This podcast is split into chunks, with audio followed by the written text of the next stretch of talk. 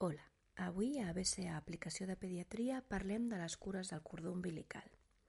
El cordó umbilical uneix a la mare i al nadó transportant sang i nutrients. Al néixer, un cop deixa de bategar, aquest cordó es talla i és molt important observar com va cicatritzant.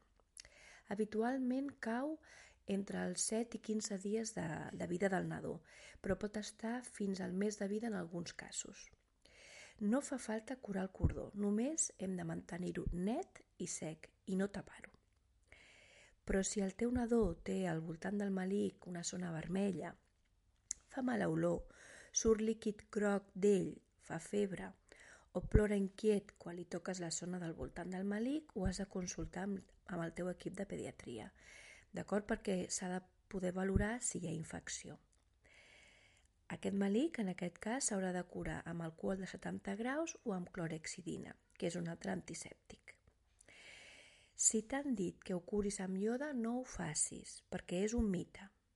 El ioda amb els nadons és tòxic.